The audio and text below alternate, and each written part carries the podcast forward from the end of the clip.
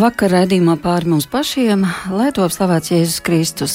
Studijā Inte Zēgnere par skanējumu rūpējas Iveta Zvejniece. Nu jau mēs sākam pierast pie attālinātā režīma saskarē ar raidījuma viesiem, gan arī ar mūsu klausītājiem, taču tas nemazina vēlmi tomēr būt kopā šajās vakara stundās un dalīties pārdomās un atziņās, un arī atbalstīt vienam otru. Un pārdomu patiešām ir daudz. Ja vēlaties tajās dalīties, ja jums ir jautājumi, tad gaidīsim jūsu zvanus pa tālruni 6722, 559, bet pie otras telefona līnijas šobrīd ir Ādažu evaņģēliskās luteriskās draudzes mācītājs Ivars Jēkabsons. Un šo stundu labvakar. mēs, labvakar, Ivar, un šo stundu mēs veltīsim jautājumam, kā tikt galā ar emocijām, un ne tikai emocijām, bet varbūt arī to mēs varam nosaukt par garīgu stāvokli, kurā mēs piedzīvojam bailes, neziņu par rītdienu. Iespējams, arī kādu bezjēdzības sajūtu, redzot, cik dramatiski daudzās pasaules valstīs risinās cīņa ar šo vīrusu, un arī to, cik trausla ir mums dotā dzīvība. Tātad par šīm bailēm un par šo neziņu. Vai jums, eh, vai tev, vai taviem draudzes locekļiem ir nācies jau pārunāt šo jautājumu? Katrs šobrīd um, saskaras ar um, mūsu situāciju. Mēs visi esam vienā laivā. Man pat gribētos teikt, ka uh, viss tas uh, krasākais varbūt pat vēl ir priekšā. Man šķiet, ka tāda līdzība kā uh, kad Bībelē aprakstīta Izraēla tauta izgāja no verdzības brīvībā. Vislielākā krīze viņiem bija pirmajā mēnesī, kad viņiem sākās lielās pārmaiņas, un daudziem tā bija krīze. Viņi devās cauri tūkstnesim uz apsolīto zemi. Jau pēc mēneša, pēc 40 kaut kur dienām, viņi piedzīvoja uh, krīzi pie Sinai kalna. Tur izveidoja zelta teļu, proti, viltus palīdzības, jeb, jeb tie, tie, kas izraisīja mm, problēmas. Un tur pie šī kalna viņi bija spiesti mācīties likumus, kā dzīvot tālāk, ejot cauri tūkstnesim. Viņiem tika dot jauni noteikumi, diezgan sterili noteikumi, kur arī pie inficētām personām bija jāatrodas ārā no nometnes uh, vienatnē. Un, um, viņi mācījās jaunus likumus, dzīvojot brīvībā, proti, tos pašus desmit baušļus. Un man šķiet, ka mēs tagad Latvijā esam pirmo mēnesi tikai šajā ārkārtas situācijā, tūlīt būs. Patiesībā vēl tikai kāpinās emocijas un daudz to piedzīvo. Kaut gan draudzes locekļu vidū mēs citu, citu komunicējot, ļoti stiprinām, uzklausām un attālināti komunicējam. Uh, Un, ja nepieciešams, tā sakot, divu metru attālumā vai iespēju robežās, esam arī e, saskarē e, un cenšamies arī draudz uzrunāt, kā jau daudzi caur mēdījiem. Un tad e, tieši šī komunikācija pārmaiņās un krīzē mazina šo neveselīgo stresu un iedod tam jēgu, informāciju, cerību un um, apziņu, ka tu īstenībā neesi viens, pat ja tu esi izolēts. Tad eh, pēc eh, taviem vārdiem spriežot, eh, šis būtu tāds laiks, kad mēs ejam cauri tuksnesim? Um, man šodien tāda līdzība ienāca prātā, jo ņemot vērā to, ka krīze ir tikai sākusies pasaulē, un tagad tas ir sasniedzis Latviju, mēs dzīvojam kaut kādā režīmā, kur jauni noteikumi nāks, kāpinās situācija vai samazinās, ka lielā mērā kad šis mēnesis paies, uh, var būt varbūt vēl kāda kritiska situācija, kurā mums būs jārēķinās ar, nu, ar, um, ar sprādzieniem emocionāliem, ar, ar to, ka kāds um, nu, kaut kādā veidā pārbaudīs robežu vai arī varbūt um, izturēsies neadekvāti. Un tas ir stāsts par to, ka uh, nevis, ka tur kāds taisīs nu, nezinu, demonstrācijas, bet ir runa par to, ka kaut kad, kaut kādā brīdī es sasniedzu savu limitu, un tas, kas man iekšā ir sakrājies, kas nenotiek tā, kā es gribētu, ja, kā man bija ieplānojis šo gadu vai tam līdzīgi, ka tas kaut kur lauz, lauzīsies ārā. Un jautājums, kurā virzienā es to likšu. Tas neveselīgais veids ir sākt regulāri viesoties pie leduskapja, pārmērīgi, sākt izlādēties vai, vai mierinājumu meklēt ēdienā. Cits veids uh, varbūt ir um, izklaide, mēdīja, spēles, filmas, vēl visādās virtuālās un nereālās pasaulēs, citās pasaulēs. Cits varbūt tiešām sāk dzert un beig beigās uh, ziņo jau arī par to, ka ģimenēs sāka vardarbība palielināties, proti, pret bērniem, pret uh, dzīves draugu.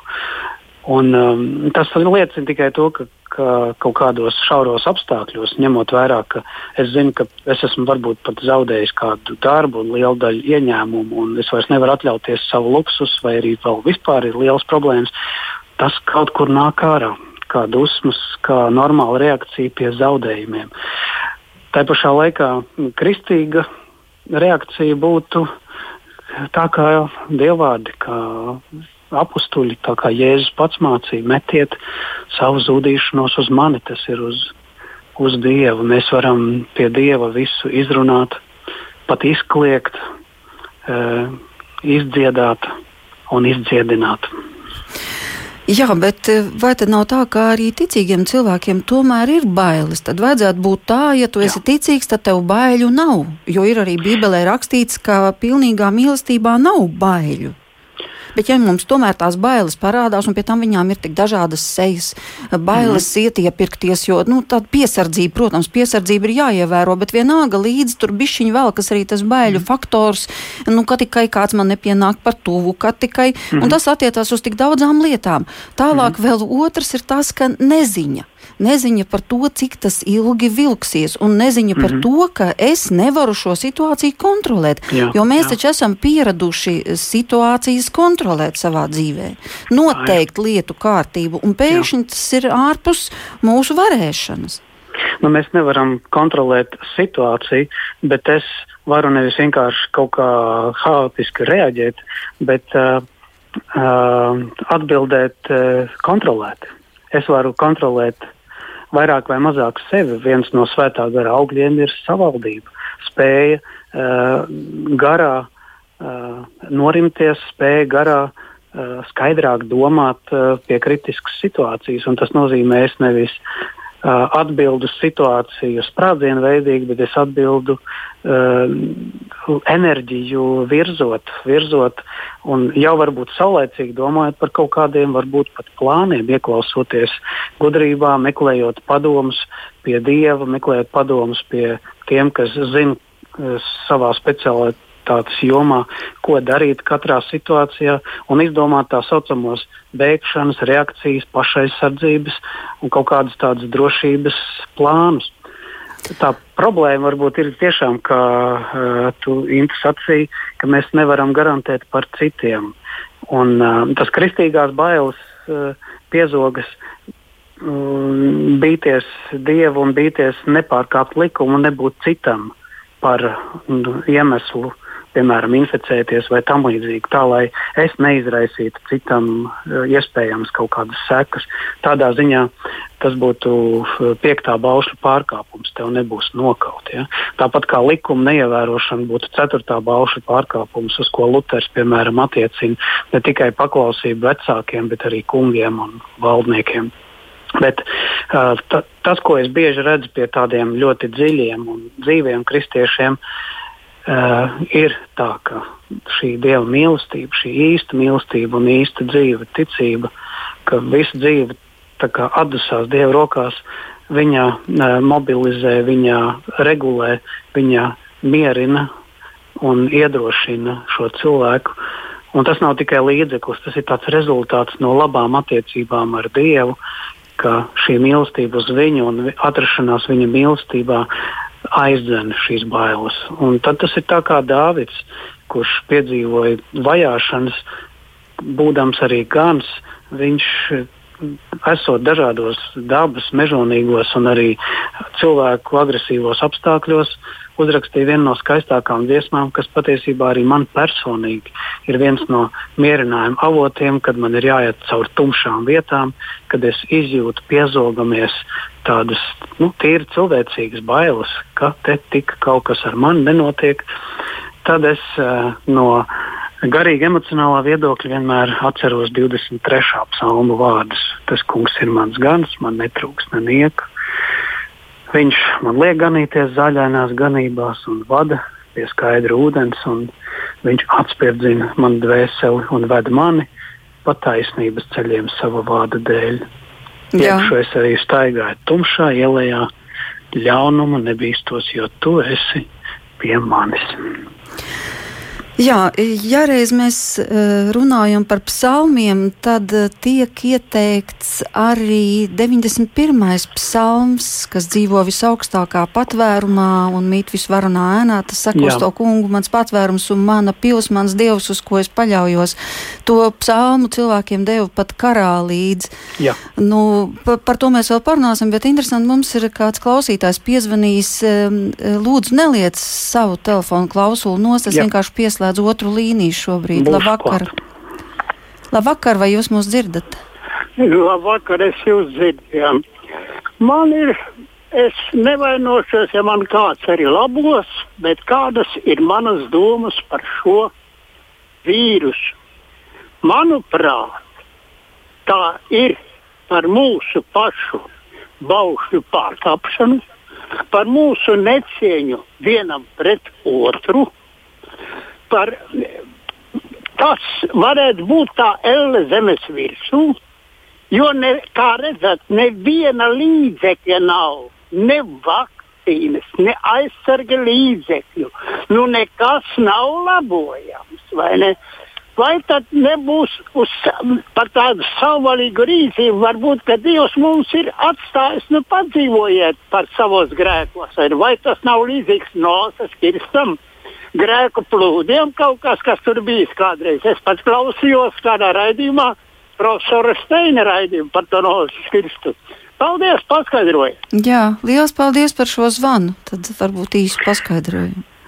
Kaut kas varbūt ir no tā. Man jau tikai šķiet, ka grēka sekas šajā pasaulē, slimības un nāve arī ir kopš paradīzes laikiem. Un ir eh, vairāk vai mazāk izjūtami, vairāk vai mazāk asi izjūtami grēcīgumi, bet tas, man liekas, caurauž visu laikmetu. Bet nu, tādā globālā veidā, kā tas ir šodien, to laikam varbūt iepriekš pasaule tā nav piedzīvojusi.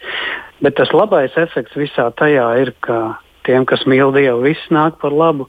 Šis laiks daudziem ir izslēdzis milzīgo tempu, uh, lietas licis palikt mājās un vairāk tuvoties tuviniekiem. Un galvenie pamudinājumi, kurus es redzu, dzīvot veselīgāk, lai mazinātu iespējamos inficēšanās simptomus. Protams, ir risku zonas, proti, ceļšķi vecāku gājumu cilvēki, kas jebkurā gadījumā var ciest smagi, bet es redzu to, ka uh, te pat kaut kur nāk tādi. Nu, pamudinājums, kad tā ne tagad atmest smēķēšanu, kad tā ne tagad stiprināt savu imunitāti un veselību, lai mm, iespējamā inficēšanās gadījumā varētu dzīvot. Uh, bet visas šīs ir tādi manā uztverē nu, mēģinājumi attaisnot ļaunumu vai mēģinājumi attaisnot uh, dieva dusmas. Un šis lielais jautājums, kāpēc, par ko viņš karājas gaisā, uh, katra mūsu dzīves stāstā, katra mūsu sirdsapziņā atsevišķi. Es tikai zinu vienu, ka šī dzīve ir Dieva dāvana. Mēs esam šīs Dieva dāvanas un Dieva mīlestības dalībnieki. Mēs dzīvojam laikmetā pēc grēkā krišanas, kad ir normāli, ka pasaulē ir ciešanas, nāve un slimības. Un to izjūtam laikmetos tā vai citādi. Bet mēs ejam ceļā uz debesīm, kur nebūs vairs de, uh, nāve, ciešanas, bēdas un baidi. Un mēs ejam arī jau tagad no uzvaras uz uzvaru, kā izdzīvojot savas krīzes un kā pārvarot grūtības, mācoties dzīvot pa jaunam. Jo tas, ko šajā brīdī e, mēs esam aicināti mācīties dzīvot pa jaunam. Jā, mācīties, kā iepriekšējais zvanītājs sacīja, arī no saviem grēkiem un kļūdām un atstāt tos un iemācīties ticību, dievbijību, cieņu, paklausību arī dieva likumiem, kas gal galā ir veselības, tīrības, šķīstības, brīvības un aizsardzības pamatā. Nu, labi, un tad vēl viens jautājums, pirms mēs sākam sazvanīties ar citiem mūsu raidījumu dalībniekiem par Jā. miera oāzēm. Uh, Saprotu, tas miers ir tik ļoti vajadzīgs. Un Bībelē ir šie vārdi. Jēzus saka, savu mieru es jums dodu, ne tā kā pasaule dod, es jums dodu. Un tas nozīmē, ka, ja mēs meklējam mieru, kuru mums dod pasaule, jebkādās tās formās, atbilstoši pasaules motivācijām un priekšstatiem, savu nodrošinājumu, tad tas nav tas miers, par kuru runā Jēzus, tas dieva miers. Bet kā lai tiek līdz tam dieva mieram? Nu, ja mēs kaut vai tā kā tu sacīji 23. psalmu paņemtu sev par rīta psalmu katru dienu iesākot, vai 91. psalmu jā, mēs lasītu, jā. vai tas nozīmē, ka tiešām mēs varētu nonākt līdz tam mieram? Kas ir tās miera oāzes ārpus visa, kad mums vairs negribās domāt par ziņām, par to, par skaitļiem, cipariem mm. un, un visu to stresu sabāzt savā galvā, neko nespējot atrisināt tik un tā globāli te dzīvoklī sēžot, bet mieru. Kā šajā to mieru ir, iegūt? Jā, šajā laikā ir tā, ka piepildās arī tas, ko sēž to pļausi. Ja nav koptas labas attiecības ar Dievu un tuvāko krīzi, tikai parāda, cik man var būt slikti. Sēžot mājās ar visiem, ar ko esmu sastrīdējies, un beig beigās arī Dievs ir sliktais. Bet tagad Bet, ir iespēja. Bet tagad ir iespēja. Tagad ir iespēja. Un es zinu tikai to, ka kvalitatīvām attiecībām nepietiks tikai ar lasīšanu nu, galvā. Nu, tā es tagad zinu, bet es nejūtos. Ja. Um, tad ir uh, lūkšanā jālūdz Dievam atkalsēt uh, sirdi, lai tas vārds ienāk arī 30 centimetrus zemāk, proti, par domām, uh, kuras visas zina un mēģina atšķirt, bet ienāk arī sirdī un tur ielēj šo mieru. Bet es zinu to, ka esot kaut kādos uh, vienatnes vai arī šauras saspiestības apstākļos vai ierobežotības apstākļos, uh, ir jāatrod tomēr tā vieta, kur tā sakot, atslēgties. Un droši vien ir arī tie dabiskie līdzekļi, kurus arī iesaka e, pastaiga, pastaiga ar Dievu, e, pastaiga ar sevi, iziet dabā, iziet vienatnē, elpot, kustēties, sist to bumbieri ja, vai tam līdzīgi, bet, bet eh, nu, pārslēgties. Es atceros, viena kundze bija ļoti ticīga dāma, bija ļoti noņēmusies ar savām dzīves problēmām. Un es viņai teicu, bet varbūt nu, pietiek tev spiest uz Dievu, pietiek tev ņemties un vārīties savā domās vienkārši nu, nu, izējas svaigā gaisā, nu, izēja pastaigā. Un, ziniet, pēc nedēļas viņa teica, paldies, man palīdzēja. Tas it kā bija tāds parasts gan arī vai medicīnisks ieteikums izveidot galvu un sirdi un istabu, un tas palīdzēja. Ar to nevar aizstāt kvalitatīvu garīgumu. Jā. Garīgums nav tikai vienkārši pastaigta dabā. Garīgums ir atrast Dievu, kurš ir visur lūkšanā, viņa vārdā. Un to visu saliekot kopā, es domāju, var iedarboties tas mieru nesošais Dieva klātbūtnes faktors, kur Kristus beig beigās ir arī ar mani tajā manā laivā, laiva, kur atrodas vētrā. Jo, godīgi sakot, mēs esam aicināti rīkoties citādāk. E, uznākot krīzei, mēs esam uh, kā vētrā. Un vētrā daudz kas šūposies. Es pats jutīšos, man varbūt būs slikti no kaut kā, un es mēģināšu sevi, bet es saprotu, ka ar tiem viļņiem es netieku galā. Bet tieši tagad es esmu aicināts tverties pie tā, pie tā pestītāja, dot viņam savu roku un sacīt, kungs, uh, esi man klātesošs, kungs, uh, sniedz tu man savu roku. Es, es baidos, bet pie tevis ir miers. Un šīs sarunas, šīs šautra veidīgās lūkšanas var pārslēgt to manu fokusu no vētras, no bailēm, no viļņiem uz to, kurš ir klints, uz to, kurš pat pa ūdens virsmu var atnākt pie tevis un pasniegt tev roku un izglābt tevi, proti, Jēzu. Ja mana sirds mani pazudina, saka apustulis, tad uzticies manam vārdam, saka kungs. Un Dievvvārds saka, mana sirds ir viņā drošāk, Dievs, es dziedāšu un spēlēšu. Tā Dāvids savulaik runāja par savu ticību Dievam, kur viņu stiprina. Paldies, paldies par šo būšanu kopā šovakar. Saku mācītājiem Ivaram Jēkabsonam un tūlīt sazvanīsim jā, vēl. Svētīti, jā, svētīti, jā. Paldies par svētību. Pirms dažām dienām izlasīju, ka, lai palīdzētu cilvēkiem no 24. marta, ir sākus darboties uzklausīšanas un garīgā atbalsta telefona līnija, Emausas līnija kuru darbību koordinē Latvijas konsekrētās personas, tas nozīmē Latvijā pārstāvēto ordeņu un kongregāciju māsas un brāļi, kuri ir gatavi zvanītājiem sniegt garīgo un emocionālo atbalstu. Un šobrīd es esmu sazvanījusi māsu Emanuēlu. Labvakar! Labvakar! Sakiet, lūdzu, kā šī līnija darbojās? Gribētu, lai jūs nota, nosaukt arī tāluņu numuru un e, kādus jautājumus tad cilvēki uzdod vai kādus ir uzdevuši jums šajās dienās? E, jā, sākot ar otru dienu, esam, esam, esam kaujas gatavībā uzklausīt cilvēkus tiešām šajā laikā, kad nu, mūsuprāt ir, ir tiešām dažkārt vajadzīga tieši, tieši tāda dzirdīga auss vai kāds ceļabiedrs ar kuru kopā varbūt meklēt cerību, kopā meklēt dieva klātbūtni tajās dzīves situācijās, kuras šobrīd esam. Um, 18 māsas un brāļi ir, ir um, šajā, šajās dežūrās dažādos laikos, un līnija darbojās katru dienu no 9 rītā līdz 21 vakarā. Un tālruņa numurs ir 28, 49, 58, 47. Tad, tad atkārtosim vēlreiz 2, 8, 4, 9, 5, 8, 4, 7. 2, 8, 4, 9, 5, 8, 4, 7.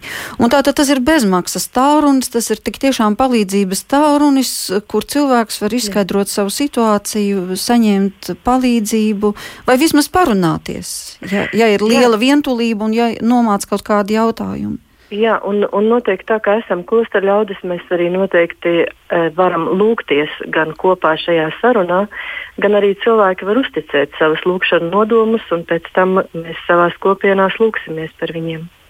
Tas nozīmē, ka piezvanot un uzticot e, šo savu problēmu, konkrētā klosterī par šo cilvēku tiek lūgts. Tā es saprotu. Jā, jā, jā. Vai, vai viņa vajadzībās, varbūt par ģimenes locekļiem, par visu, kas mums rūp. Jā, nu un kāda par šo laiku ir pieredze? Varbūt kas ir tās tēmas, kas cilvēkus uztrauc visvairāk? Zvana cilvēki pārsvarā jau arī ar šīm emocionālajām grūtībām, jātiek galā ar stresu un, un tiešām, kā cilvēks saka, gribās vienkārši izrunāties. Tāpat ir arī nu, ticības jautājumi, jo droši vien redzot šo līniju, kur, kur atbild klostermāsas, klosterbrāļi, cilvēki arī zvana par dažādiem ticības jautājumiem arī ar šo vēlēšanos kopā palūkties, lai aizlūgtu par, par viņu nodomiem. Tāpat ir arī praktiskie jautājumi, jo tā kā tagad ir daudz dažādu izmaiņu, kas, kas skar mūsu praktisko reliģijas praksi, eh, praktizēšanas iespējas, tad ir tādi jautājumi arī, piemēram, par, par kā pieņemt garīgo komuniju, ko darīt, kad tu nevari aiziet uz baznīcu, kā lūgties labāk, esot mājās, varbūt tad, kad nav šīs iespējas arī um, būt vienatnē, kā uzturēt šo kontaktu ar Dievu un līdzīgi jautājumi. Bet tas nenozīmē, ka tas būtu tālrunis tikai ticīgiem cilvēkiem, kuri tad drīkstētu pa to zvanīt. Tas nav gluži tā domāts. Tātad jā, klausītāji, kas mūs dzird šovakar, arī var izmantot šo tālruni līniju un aprunāties, ja ir tāda nepieciešamība. Jā, jā droši, droši var zvanīt, eh, sākot ar rītdienas rīta deviņiem. Un, un noteikti var zvanīt ne, ne tikai katoļi ne tikai ticīgi cilvēki, bet atceroties, nu, kas jūs uzklausat. Tie ir klosteri ļaudis, tātad arī attiecīgi mūsu kompetences robežās. Tur, kur mēs varam palīdzēt un ko mēs, ko mēs spējam dot no, no savas puses. Jā, liels paldies māsai Emunēlai par šo dalīšanos un arī par to, ka esat šo līniju atvēruši. Tātad telefons 2849 58 47 ir tā telefona līnija. Emausas līnija, pa kuru var zvanīt visu dienu no 9 rītā līdz 9 vakarā. Un uzticēt savus problēmas klosteru cilvēkiem un saņemt arī aizlūgšanu. Paldies, saku šobrīd māsai Emanuēlai. Paldies jums! Šobrīd esam sazvanījuši Latvijas eh, Kristīgās akadēmijas rektori profesoru Skaidrīti Gūtmani. Labvakar, Skaidrīte!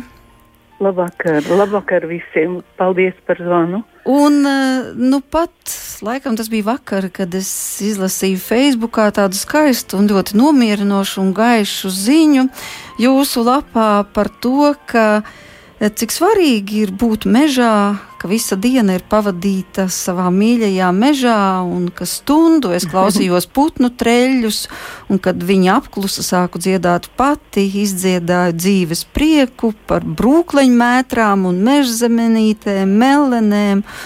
Un tas viss bija tik skaisti aprakstīts un arī tik kaut kā cerīgi, ka dzīve kļuva mazliet gaišāka. Līdz ar to arī jums gribēju uzdot tieši to pašu jautājumu. Kādā veidā ir iespējams e, cīnīties ar dabiskiem un varbūt arī pārdabiskiem līdzekļiem pret to nomāktību, kas dominē, kas sāk dominēt pasaules apstākļu dēļ? Jā, tas ir ļoti tāds īstenībā nopietns jautājums, jo man šķiet, ka vai nu izlasot, ko es esmu uzrakstījusi, man tomēr šķiet, ka daudziem ļaudīm un man tā skaitā gribētos pamosties un saprast, ka viss ir garām un ka varbūt es esmu nosapņojis to visu, es lasīju vienā grāmatā, ka apmēram tādas cerības ir katru dienu jutuši cilvēki kara laikā. Nu, kā varētu būt cilvēka sirdī miers. Un es jums teikšu skaidri un godīgi, es nespēju uztraukties. Kāpēc tas tā manī ir? Es zinu to, kāpēc tā ir, bet es nevarētu teikt, ka katrā cilvēkā tā ir. Jo īstenībā vai mēs staigājam kopā ar Dievu, ja mēs pieskrienam pie Dieva tad, kad mums ir grūti, tā ir milzīgi liela atšķirība. Un no vienas puses, no vienas puses mums būtu šobrīd jāsaprot, ka notiek karš starp cilvēkiem un to milzīgo ļaunumu, ko cilvēki pasaulē ir pieļa, pieļāvuši un kas vienmēr un visos laikos ir cīnījies pret labo cilvēkos un pret labo pasaulē. Un es iepriekš dzirdēju mācītāju Ivaru Jākapsonu ar savu tik ļoti patīkamo un mierīgo balsi. Viņš stāstīja par to, kāpēc nevajadzētu baidīties. Un viņam ir taisnība. Bet no otras puses, ja mēs labi pārzinām cilvēku emocionālo pasauli, tad man šķiet, ka viena no tādām nopietnākajām šīs emocionālās pasaules sadaļām varētu būt bijība Dievu priekšā un bailes no Dieva. Un, un tas ir īstenībā cilvēku kultūras rādītājs. Jo, ja, kad mēs lasām svētos rakstus, vai, uh, mēs ļoti labi redzam, ka Bībelē bailes pret Dievu tiek uzskatīts pat par kaut ko ārkārtīgi pozitīvu. Mēs to tagad sakām bību pret Dievu, bet daudz vietā Bībelē mēs rakstām tieši par bailēm, ka visa pasaule varētu drebēt Dievu priekšā. Un, un tāpat arī vēstulē ebrejiem šobrīd nāk vārdā kalpoja Dievam ar bību un bailēm un tam līdzīgi. Un tas, ka mēs šobrīd kaut kā gribam teikt, ka mēs tā skatāmies uz Dievu kā peles uz graudu, tajā vietā, lai pateiktu, piedod, es esmu nodevis tevi, es esmu dzīvojis absolūti pašpietiekams. Jo redzī, cilvēkā miers ir normāla parādība. Tā ir ļoti normāla garīgās, emocionālās, intelektuālās dzīves pazīme. Jo arī Jēzus mums teica, es jums savu mieru dodu. Ne kā pasaule jums dod, es jums dodu. Es jums savu mieru dodu.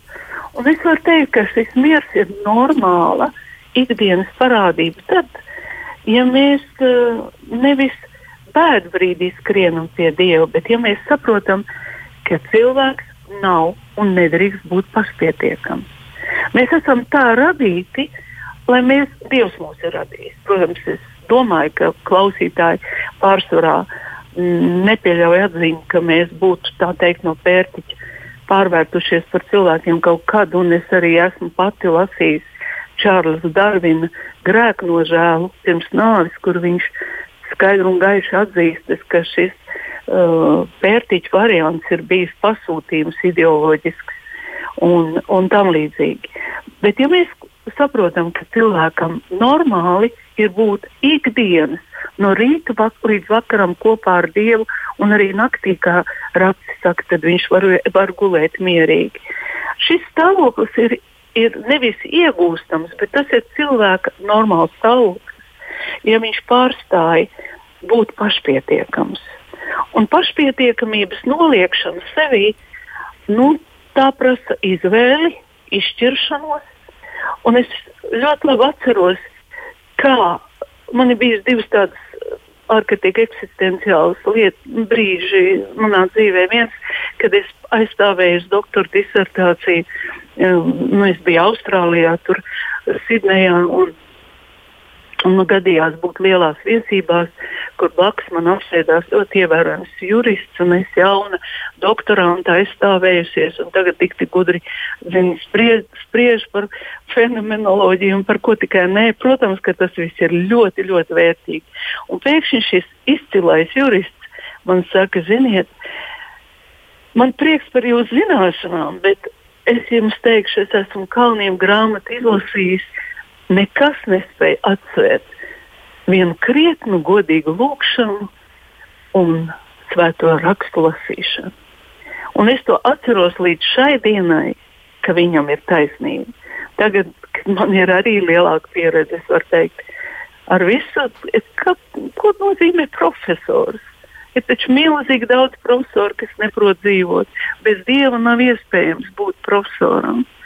Tāpēc pro, par profesoru var kļūt jebkurš cilvēks, ja viņš Dievu atzīst un Dievu sāk pielūgt. Un Dievs ir tik atsaucīgs, ka viņš momentā nāk ar savu mieru cilvēkam pretī, un tā arī saka, savu mieru es tev dodu. Lūk, tāpēc es dzīvoju šajā situācijā, ņēmu kā visu pilnību. Es priecājos par dzīvi.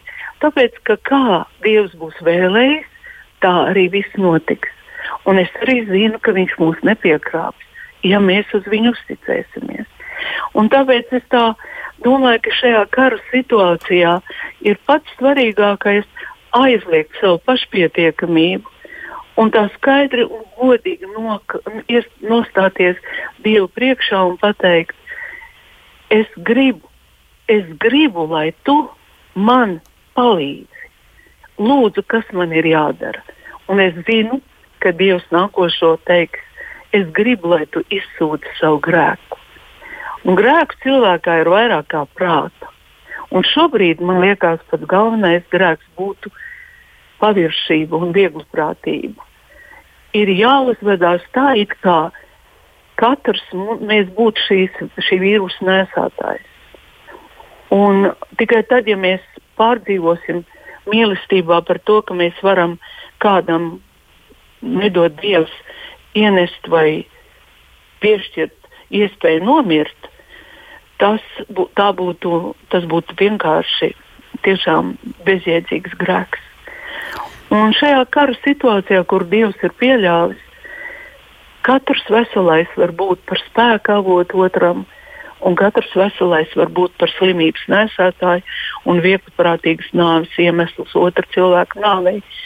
Tāpēc eh, ārkārtīgi svarīgi ir saprast šobrīd, ka Dievs neieredz grēku, un tur, kur ir grēks, tur nekad nebūs miera. Un vēl es gribu pateikt, man ienāca prātā tāda nopietna nianses. Šodien pareizticīgā baznīca pieminas sirdskaidro Jānu pakāpnieku. Un, uh, viņš sacīja, ka bailes no nāves cilvēkā ir dabiska lieta. Uh, Bet šausmas, baiļu līmenis šausmās, ka tas pāriet jau šausmu līmenī, bailes tādas, tas liecina, ka cilvēku dvēselē ir ļoti daudz neizsūdzētu grēku.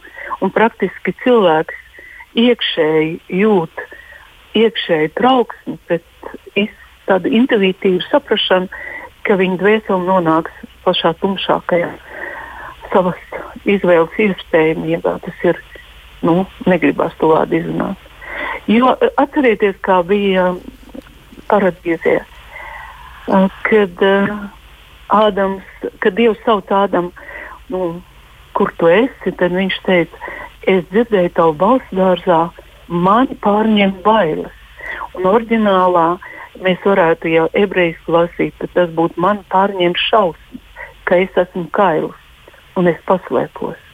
Lūk, bailes, kas kulminē šausmu līmenī, pierāda, ka tu esi kails, ka tev dvēsele ir tukša un tev gribētos paslēpties, bet redzi, tu esi nevain, nemirstīgs radīts.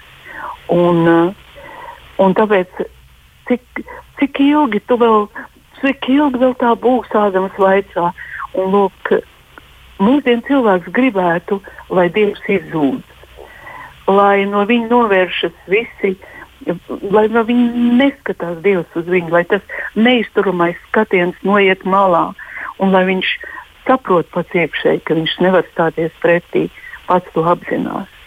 Bet uh, Dieva tā visspēcīgā, es pat teiktu, brīvības klātbūtne tomēr ir mūs ievedus šajā situācijā, ka, lai mēs saņemtu no viņa to ļoti dzīvinošo, spēku, lai mēs iegūtu to pa īstam brīvību. Jā. Tas ir dzīvības tāds īsts un dziļš mieru stāvoklis. Un es domāju, ka tā ir tā situācija, kurā mēs šobrīd esam. Izvēles situācija.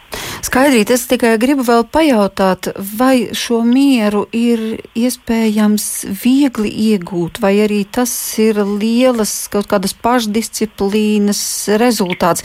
Respektīvi, man liekas, ka šis ir laiks, kad mēs patiešām ļoti varam piedzīvot nu, gan izvēle varētu sacīt tādas mistisku, garīgu pieredzi, ļoti lielu dievu labvēlību, ļoti pārdabisku viņa pieskārienu, jo jau viss tas, kas apkārt ir redzams mūsu prātam, nav aptverams, un tas nozīmē, ka varētu būt mūsu sirdī tā vieta vai mūsu mājās tas klusais stūrītis, kur pēkšņi notiek pārdabiska sastapšanās.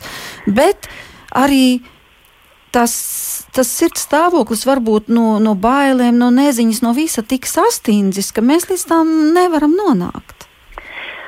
Nu, es domāju, ka tumsas mums jau, kā, kā nu, mēs taču zinām, ticīgi cilvēki, ka mums jau nav jācīnās pret sevi vai pret kādiem citiem cilvēkiem, bet pret tiem spēkiem un varām pasaules telpā.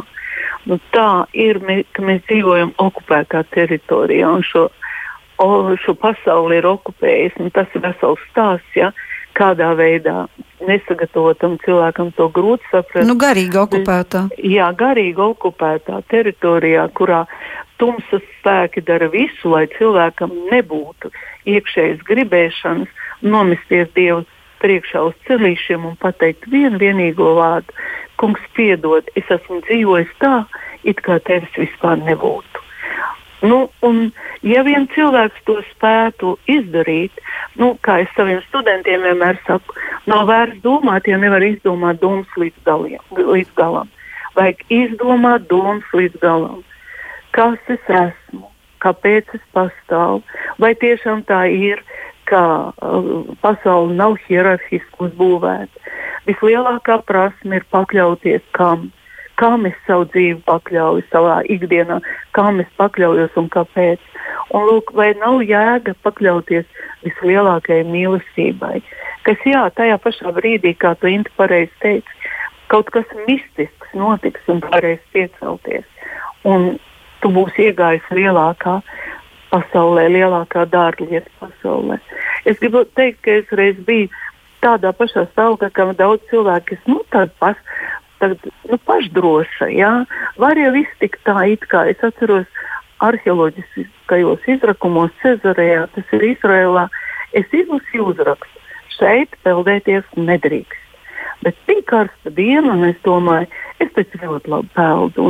Kas man var tur notikt, tik skaista jūra? Un es aizgāju tur peldēties. Un es ļoti pār, iz, es varu iz, izstāstīt to pārdzīvojumu, ka tā ir tāda vieta, tur, kur es tieši iegāju, ka zem ūdens ir tādi kaut kādi moli, betoni, betona akmeņi, un pret kuriem mazākās traumas tev var nesot nosist.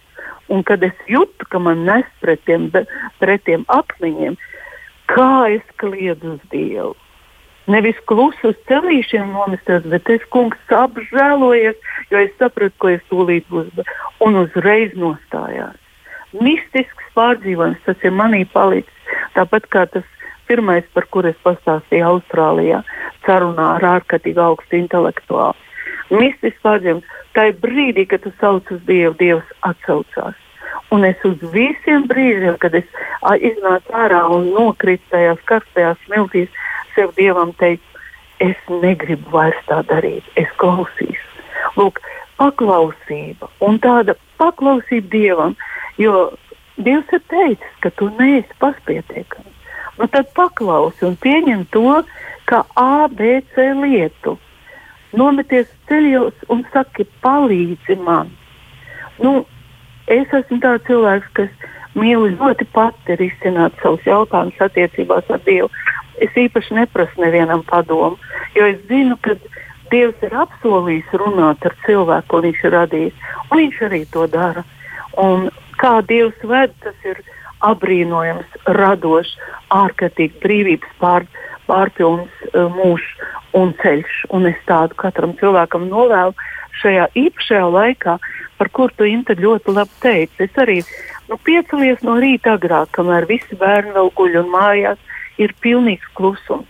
Nu, nometies ceļos, kad saule lec un visa diena sākas un saka, Dievs dod man spēku, un tad paskaties, vai tiešām tev nebūs tā spēka. Nu, Jā, liels paldies par šo dalīšanos šajā pieredzē. Un mēs vēl noslēgumā mēģināsim vienu zvanu sazvanīt.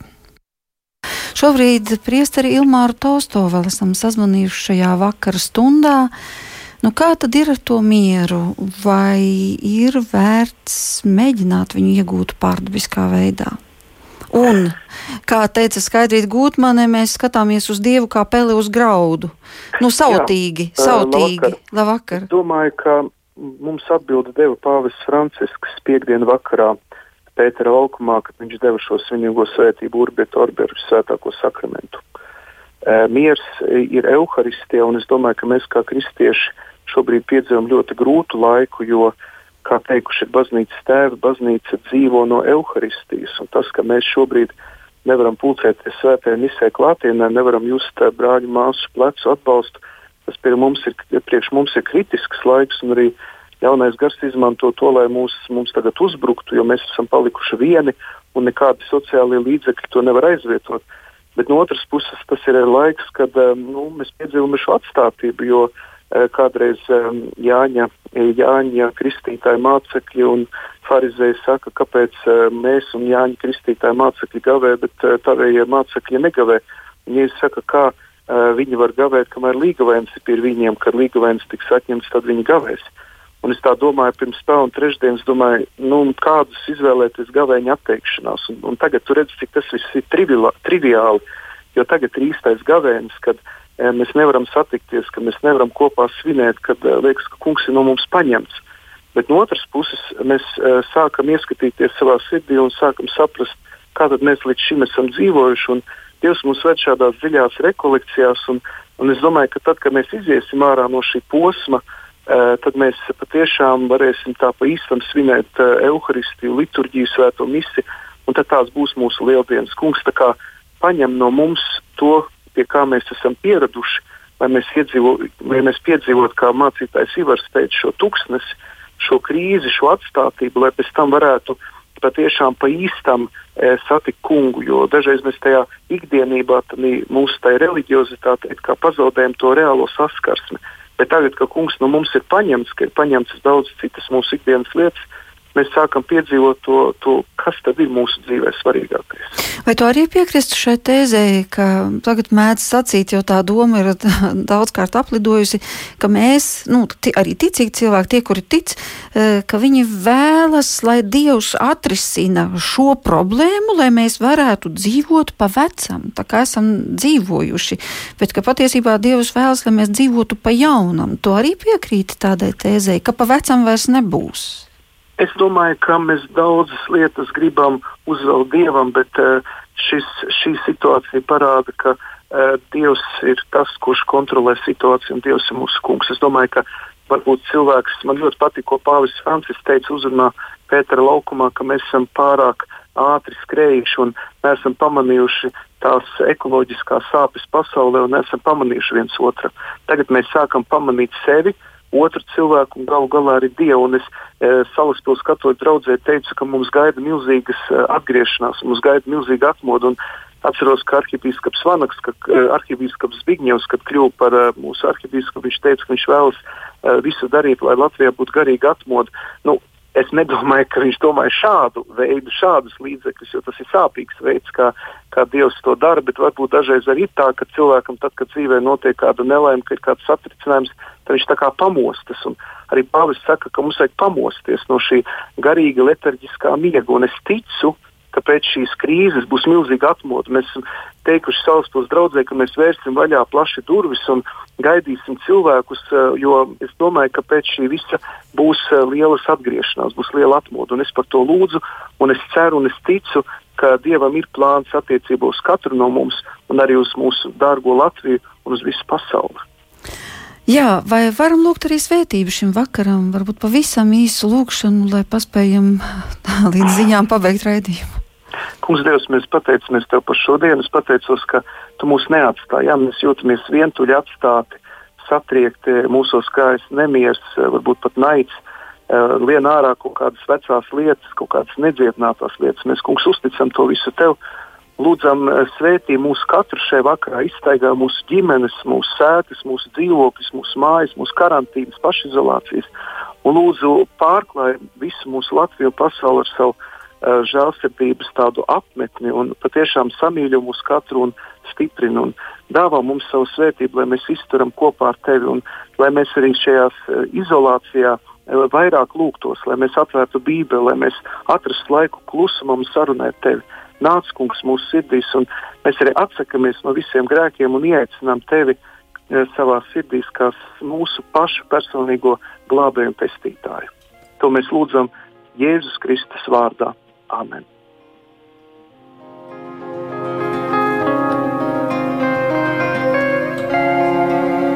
Izskan redzējums pāri mums pašiem. Paldies visiem dalībniekiem. Kopā ar jums šovakar bija Inta Zēgnere, par skanējumu rūpējās Iveta Zvēniece. Lai mums mierīgs un svētīgs ir šīs svētdienas vakarlaiks.